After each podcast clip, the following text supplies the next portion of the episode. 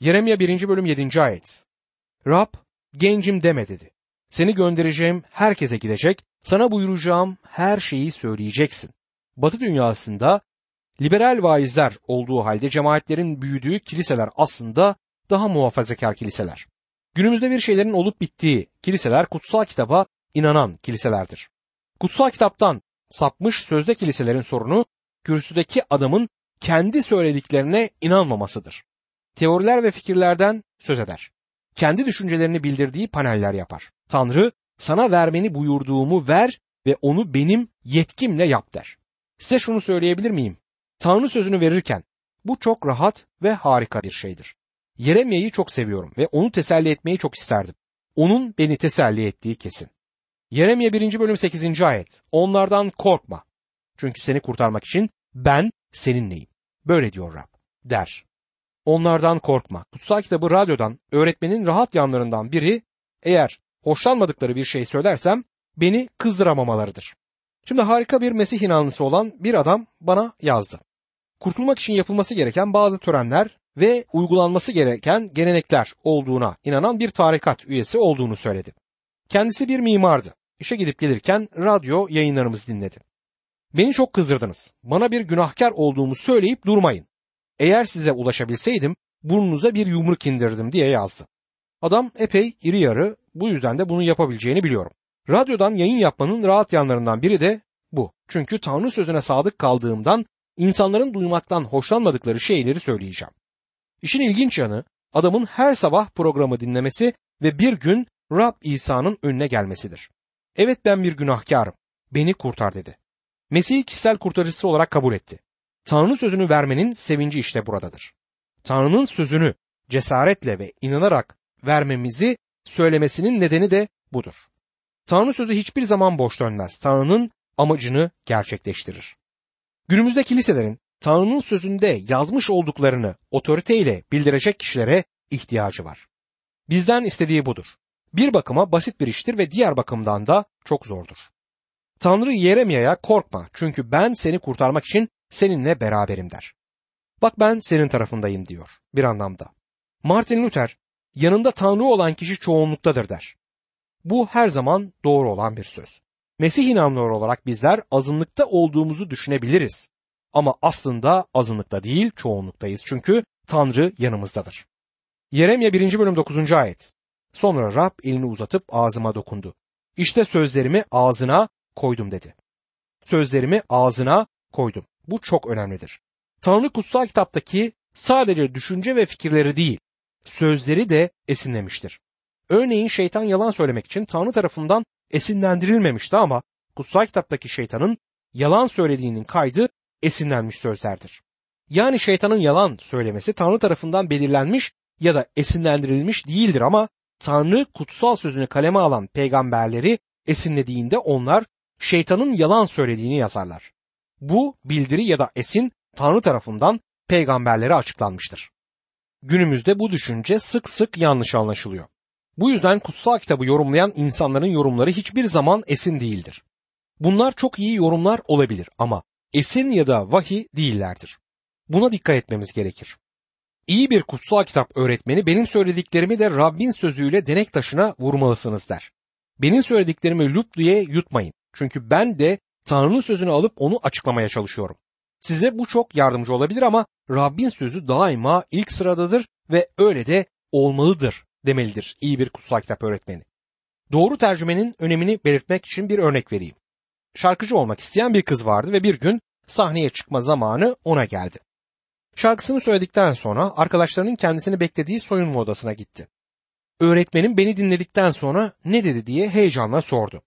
Çok diplomatik bir arkadaşı cennetsel bir şekilde şarkı söylediğini söyledi dedi. Kız gerçekten de öyle mi diye sordu. Gerçekten bu sözleri mi kullandı? Arkadaşı hayır. Tam olarak bu sözleri kullanmadı ama bunu demek istedi diye yanıtladı. Ama tam olarak hangi sözcükleri kullandığını bilmek istiyorum. Cennetsel bir şekilde şarkı söylediğimi söyledi mi diye ısrarla kız sordu. Arkadaşı evet onu demek istedi ama kullandığı sözlere gelince bu dünyadan olmayan bir gürültü çıkarttığını söylemişti dedi. Kutsal kitabın sözlerinin Tanrı tarafından esinlendirildiğini anlamak çok önemlidir. sözlerimi senin ağzına koyacağım diyor. Yeremye 1. bölüm 10. ayette. Bak ulusların ve ülkelerin kökünden sökülmesi, yıkılıp yok olması, yerle bir edilmesi, kurulup dikilmesi için bugün sana yetki verdim diyor. Yeremya, Yoşia, Yehoakim, Yehoaz, Yehoakin ve Sitkiya'nın zamanında peygamberlik etti. Bütün bu kralların çeşitli büroları ve hükümet projeleri vardı. Hepsi de Yaruşlim'i daha iyi bir şehir haline getirmek için çalıştı. Ekolojiyle ilgilenecek ve şehri varoşlardan kurtaracaklardı. Hepsinin fakirlikle ilgili programları vardı ama hiçbiri Yeremya ile fazla ilgilenmedi. Onu görmezlikten geldi. Şimdi neredeyse 3000 yıl geçmiştir. Bugün o projelerden herhangi birinin ne olduğunu bana söyleyebilir misiniz? Sitkiya tarafından yapılan önemli bir şeyin ne olduğunu bana söyleyin. Yehoakin ya da Yehoakin'in yapmış olduğu herhangi bir projeden bana bahsedin. Hiçbir iyi şeyden bahsedilemez. Buna karşın o zaman da herkes doğru olanı, popüler olanı yaptığını düşünüyordu bu insanların. Yeremya görmezlikten gelindi ama bugün kimi okuyoruz? Bugün konuştuğumuz Yeremya'dır. Yeremya'nın kitabı Tanrı'nın sözüdür. Bugüne kadar gelmiştir ve bizim zamanımızda da ayakta kalacaktır. Bugün Tanrı'yı işitmek istemeyen insanlar, onu dinlemek istemeyen insanlar var. Onun sevgi ve doğruluk ilkesinde yürümüyorlar. Ama Tanrı konuşuyor ve sözü ayakta kalacaktır. Tanrı Yeremya'ya onu Yahuda ulusuna kendi sözünü vermekle görevlendirdiğini söyler. Ve zavallı Yeremya daha işi almadan emekliye ayrılmak için çaba sarf eder. Tanrı şimdi Yeremya'ya peygamberlik konumunun çağrısı hakkında harika bir resim verecektir. Yeremya 1. bölüm 11. ayette Rab, Yeremya ne görüyorsun diye seslendi. Bir badem dalı görüyorum diye yanıtladım diyor. Badem ağacı uyandıran ya da gözleyen olarak bilinirdi. Gerçekten de kışın uzun gecelerinden sonra ilkbaharda çiçek açan ilk ağaçtır badem ağacı. Badem ağacı gibi Yeremya'da çalar saat bir uyandırıcı olacaktı. İnsanları uyandırmaya çalışacaktı ama onlar uyanmayı istemeyeceklerdi. Uyuyan kimse uyandırılmaktan hoşlanmaz. Çalar saat dünyanın en sevilmeyen nesnelerinden birisidir. Üniversite yıllarında ben benim çalar saatimi birçok sabah duvara attım. Yeremya Yahuda ulusu için bir uyandırıcı olacaktı. Yeremya 1. bölüm 12. ayette Rab doğru gördün dedi. Çünkü sözümü yerine getirmek için gözlemekteyim. İbranice badem ve gözlemekteyim sözcükleri birbirini çok çağrıştırır. Tanrı evet öyle. Onlara kendilerini uyandıracak sözleri vereceğim. Onları uykularından sarsarak uyandıracağım diyor. Yeremye 1. bölüm 13. ayette Rab yine ne görüyorsun diye seslendi. Kuzeyden bu yöne bakan kaynayan bir kazan görüyorum diye yanıtladım diyor. Kaynayan kazan neydi? Yeremya'nın zamanında Mısır ve Asur güneydeki Yahuda krallığı için artık bir tehlike oluşturmuyordu. Ama kuzeyde yer alan hilal şeklindeki bereketli alanda Babil adında yükselmekte olan bir güç vardı ve bu güç sonunda Yahuda'yı yok edecekti. Ulusların başına gelecekler hakkında halkı sürekli olarak uyandırmak Yeremya'nın işiydi. Yeremya 1. bölüm 14 ve 15. ayetlerde Rab şöyle dedi. Ülkede yaşayanların tümü üzerine kuzeyden felaket salı verilecek. Çünkü kuzey krallıklarının bütün halklarını çağırıyorum diyor Rab. Kralları gelip Yarışilim surlarında bütün Yahuda kentlerinin karşısında Yarışilim'in kapı girişlerinde tahtlarını kuracaklar. Yüz yıl önce Tanrı Yarışilim'i kurtarmıştı ve şimdi bütün sahte peygamberler Tanrı'nın bunu yine yapacağını söylüyorlardı. Tanrı'nın geçmişteki bütün peygamberleri Yeşaya'nın zamanında yaşayan bütün peygamberler Hoşea, Yoel, Amos, Mika ve Nahum ölmüştü. Sanıyorum Tesefenya ve Habakuk hala yaşıyordu.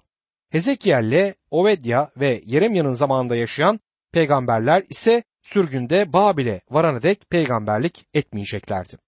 Daniel de daha sonra peygamber olacaktı ama bu sırada Yeremya tek başına ayakta durmaktaydı ve ulusun üzerine gelecek bu yargıları bildirmesi gerekiyordu. Yeremya'nın bu bildirisine tepki acaba nasıl olacaktı? Yeremya 1. bölüm 19. ayette sana savaş açacak ama seni yenemeyecekler. Çünkü seni kurtarmak için ben seninleyim. Böyle diyor Rab.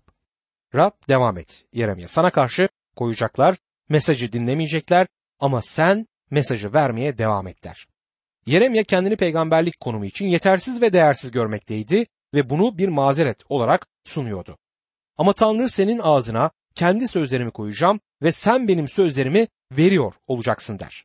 Bence Tanrı'nın sözünü verdiğinden emin olmayan kimse kürsüye çıkıp bir mesaj vermemelidir. Eğer herhangi bir şüphesi varsa ya da kendi düşüncelerini sunması, liberal, sosyal bir müjde vaaz etmesi gerektiğini düşünüyorsa kürsüden uzak durması gerekir. Vaaz vermek bir sanattır. Yorum bilimi ve teolojiyi ne kadar çok bilirse bilsin ve ne kadar sofistike bir eğitim almış olursa olsun Tanrı sözünü verdiğinden emin olana dek kürsüden uzak durmak gerekir. Bu çok önemlidir. Yeremya Tanrı'nın gerçek sözlerini verdiğinden emin olabilirdi.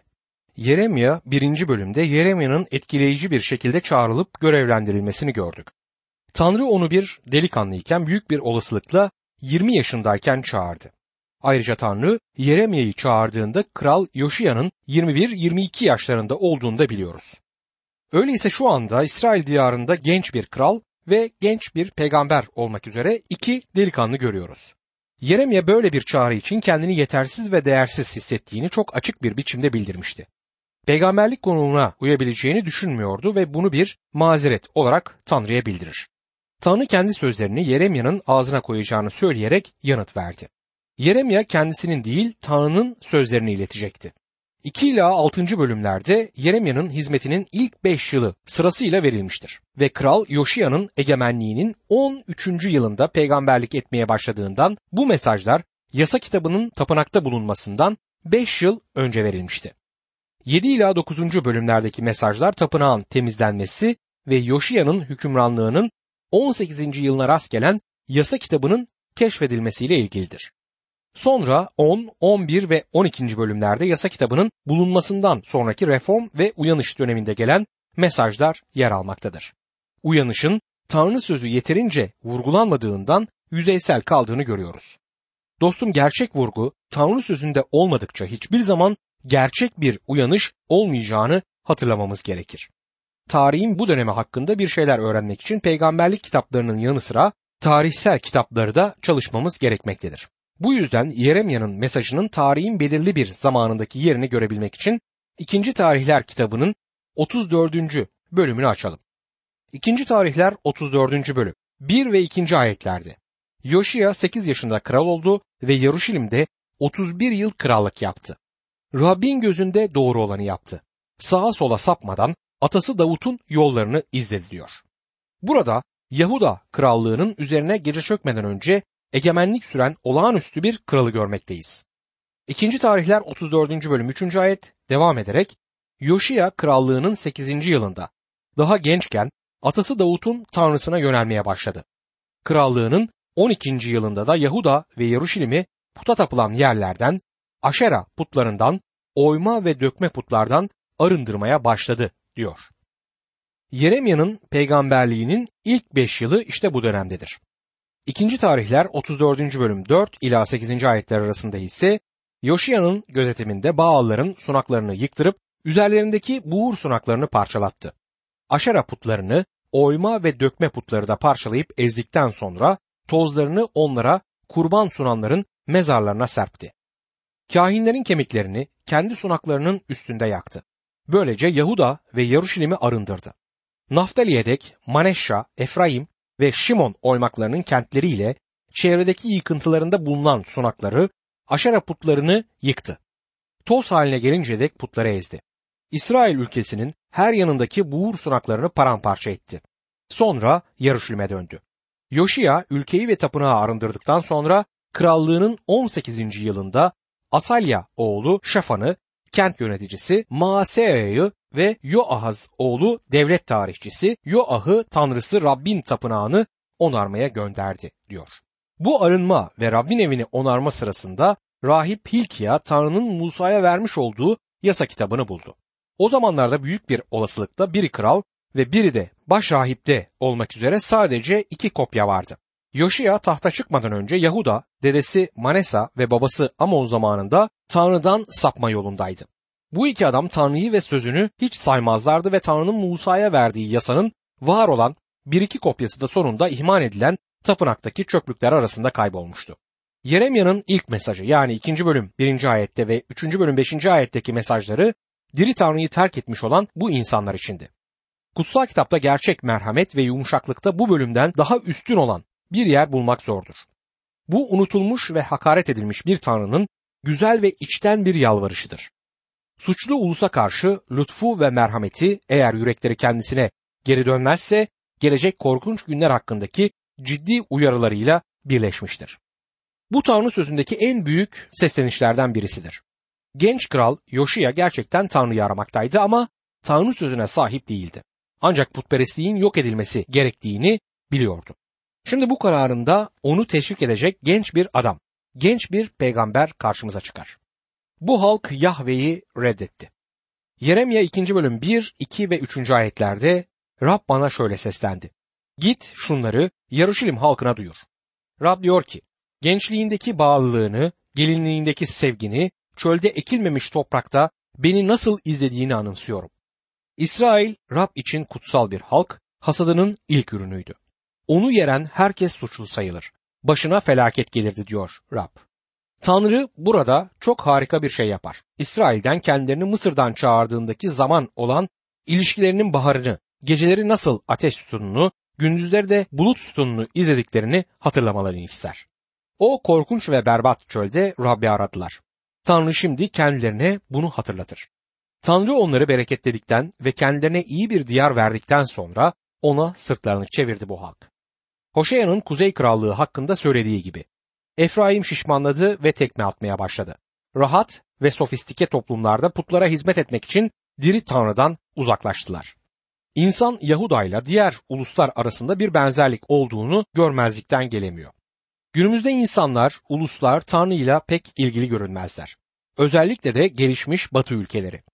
Birçok Hristiyan ülke kutsal kitabın Tanrı sözü olduğuna inanan ve yaptıkları her şeyde kutsal kitabı temel alan kişiler tarafından kurulmuştu. Önde gelen batılı tarihçilerden birinin gözlemlediği gibi bu uluslar ülkenin ruhsal mirasını bilmeyen kişilerce yönetilmektedir. Hristiyan ülkeler Tanrı'dan uzaklaştı. Yüce dolar, euro putunun peşinde bu uluslar şimdi.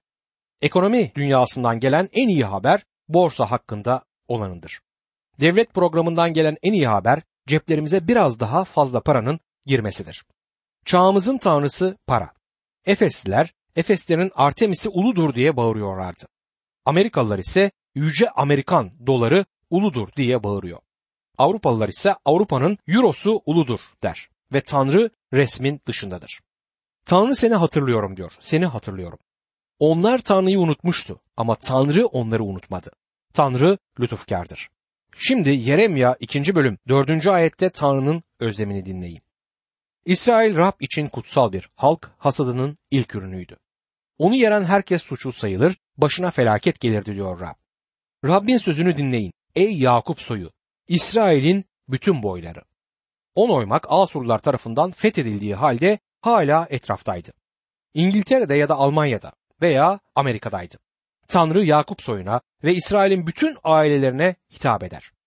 Bu arada şunu da söylemek istiyorum. Onlar bugün de aynı insanlar. Asur'da sürgünde oldukları halde Tanrı'nın mesajı onlara bugün içinde geçerlidir. Yeremye 2. bölüm 5. ayet. Rab diyor ki atalarınız benden ne haksızlık buldular da benden uzaklaştılar. Değersiz putları izleyerek kendileri de değersiz oldular. Şüphesiz bu kutsal kitaptaki en etkili parçalardan birisidir. Tanrı'nın onlara ne kadar harika bir şekilde yaklaştığına dikkat edin. Ne hata yaptım da bana sırtınızı döndünüz diye Tanrı bu halka soruyor. Dostum günümüzde Tanrı'nın ne hatası var ki bizler onunla daha fazla ilgilenmiyoruz? Neden ona hizmet etmiyoruz? Tanrı'da haksızlık mı var? Tanrı bugün yanlış bir şey mi yapıyor? Atalarınız benden ne haksızlık buldular diye Tanrı sorar. Yeremye 2. bölüm 6. ayette Mısır'dan bizi çıkaran, çölde çukurlarla dolu çorak toprakta, koyu karanlıkta kalan kurak toprakta, kimsenin geçmediği, kimsenin yaşamadığı toprakta bize yol gösteren Rab nerede diye sormadılar diyor. İnsanlar oradan geçmiyorlardı ve bugün de oradan geçen pek insan yok. Ben kenarına kadar gittim ve daha fazla gitmek istemedim. Buna karşın Tanrı insanları o korkunç çölde 40 yıl tuttu ve onlara baktı. Yeremye 2. bölüm 7. ayette ise meyvesini en iyi ürününü yiyesiniz diye sizi verimli bir ülkeye getirdim. Oysa siz gelir gelmez ülkemi kirlettiniz. Mülkümü iğrenç bir yere çevirdiniz diyor. Günümüzde ekoloji ve toprağı temizlememiz gerektiği hakkında pek çok şey duyuyoruz. Ve bu iyidir. Evet, bunların temizlenmesi gerekir. Ama ahlaksal pisliğin ve karakter alçalması ve yozlaşmanın artışı çok daha fazla. Rabbim burada sözünü ettiği şey de budur. Tanrı'nın diyarını kirletmişlerdi. Tanrı onların kendisi için tanıklar olmalarını tasarlamıştı. Bunun yerine onlar kendilerinden önceki insanlardan çok daha kötü olmayı seçtiler. Yeremye 2. bölüm 8. ayette kahinler Rab nerede diye sormadılar. Kutsal yasa uzmanları beni tanımadılar. Yöneticiler bana baş kaldırdılar. Peygamberler Baal adına peygamberlik edip işe yaramaz putların ardınca gittiler diyor Tanrı. Tanrı sorumluluğu ruhsal önderlerin üzerine koymaktadır. Ve ben de Hristiyan ülkelerdeki sorunların kilisede başladığına inanıyorum. Önce ruhsal olarak çökmeyen hiçbir ulus çökmez. İlk önce ruhsal bir geriye dönüş olur. Sonra ahlaksal bir çöküş ve son olarak da politik anarşi gerçekleşir. Her ulusun büyük bir ulus olmaya son verişinin yolu budur. Kahinler Rab nerede diye sormadılar. Günümüzde Tanrı sözünü bilmeyen, sözde kutsal kitap öğretmenleri, vaizler ve tanıklar olmaları gereken kişiler var. Hatta din adamı olmayanlar arasında da bunlar bulunur. Bunu söylemek beni üzüyor ama yine de doğrudur. Tanrı sözünü bilmemenin sonucu olarak Tanrı'yı gerçekten tanımıyorlar. Tanrı'yı tanımak için Tanrı sözünü iyi bilmek gerekir. Yeremya 2. bölüm 9. ayette ise bu yüzden sizden yine davacı olacağım diyor Rab. Torunlarınızdan da davacı olacağım. Tanrı senden vazgeçmedim. Sana hala yalvaracağım der. Bu çok harikadır. Yeremye 2. bölüm 13. ayette devam ederek çünkü halkım iki kötülük yaptı. Beni, diri suların pınarını bıraktı. Kendilerine sarnıçlar, su tutmayan çatlak sarnıçlar kazdılar. İsrail iki kötülük yapmıştı. İlk olarak diri suların kaynağı Yahve'yi reddetmişlerdi. İkinci olarak kendilerine sarnıçlar yaptılar. Bunlar su tutmayan çatlak sarnıçlardı. Günümüzde o kadar çok insan kendilerine küçük birer sarnıç kazıyor ki kendi sarnıçlarından içmeye çalışıyorlar. Tabii ki bu tatmin etmez. Örneğin 1 milyon dolar kazanan her adam daha fazlasını isteyecektir. İkinci milyon doları ister. Aynı şey ün içinde geçerli. Hiçbir zaman tatmin edecek kadarı yok. Tanrı sadakatsizliklerini ilk kez dile getirerek bu insanları ele alacaktır. Yeremya 2. bölüm 19. ayette seni kendi kötülüğün yola getirecek. Dönekliğin seni paylayacak. Tanrın Rabbi bırakmanın, benden korkmanın ne kadar kötü, ne kadar acı olduğunu gör de anla. Her şeye egemen Rab böyle diyor yazar. Bu üçüncü bölümde tek bir yerde sadakatsizlikten kutsal kitabın bütün diğer bölümlerinde olduğuyla aynı miktarda söz edildiğini göreceğiz. Kendi tanrılarını yükseltmiyor bu insanlar. İkinci bölümün geri kalan kısmı putperestliğe karşı bir tartışmadır. Ve üçüncü bölümde de bu tartışma devam eder. Bu bölümü aktarmak yerine onu kutsal kitabınızdan okumanızı öneriyorum. Sonuna kadar okuyun. Yeremya'nın peygamberliğini daha iyi öğrendikçe sizin için ne kadar harika bir hal aldığına şaşıracaksınız. İnsan Tanrı'yı reddettiğinde her zaman bir put yaptığını görmek ilginçtir. İnsanlar kendi tanrılarını yaptıklarında onu kendi istedikleri şekilde yapar. Kendi taleplerini karşılayabilecekleri bir tanrı yaparlar. Yani bu aslında insanın eski doğasının günümüze olan bir yansımasıdır.